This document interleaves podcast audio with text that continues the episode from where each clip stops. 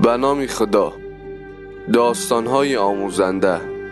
عدو شود سبب خیر اگر خدا خواهد. مرد ثروتمندی به آشخانه درآمد. نگاهی به این طرف و آن طرف کرد. دید زن سیاهپوسی در یک گوشه نشسته است. به نزد میز خدمت رفت و پیش خدمت نگاه نموده. فریاد زد برای همه کسانی که اینجا هستن تعام می‌خرم. غیر از آن زن سیاه. پیش خدمت پول را گرفت و به همه حاضران غیر از آن زن سیاه تعام رایگان داد. زن سیاه پوست به جای آنکه ناراحت شود و چین بر جبینش بیفتد سرش را بالا گرفته به آن مرد نگاه کرد. و با لبخند گفت سپاسگزارم. مرد ثروتمند خشمگین شد.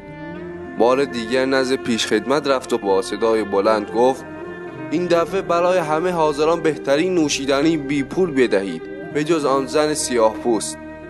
دوباره پیش خدمت پول را گرفت و به همه حاضران غیر از آن زن سیاه پوست بهترین نوشیدنی داد.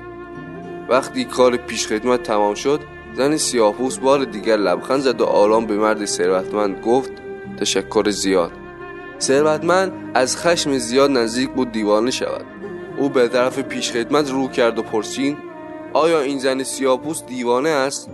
من برای همه تعام و نوشیدنی خریدم غیر از او. ولی هر بار نه تنها ناراحت و عصبانی نشد بلکه با لبخند از من تشکر کرد و از جایش تکان نخورد. پیش خدمت خندید و گفت نه قربان آن زن دیوانه نیست. او صاحب این آشخانه است.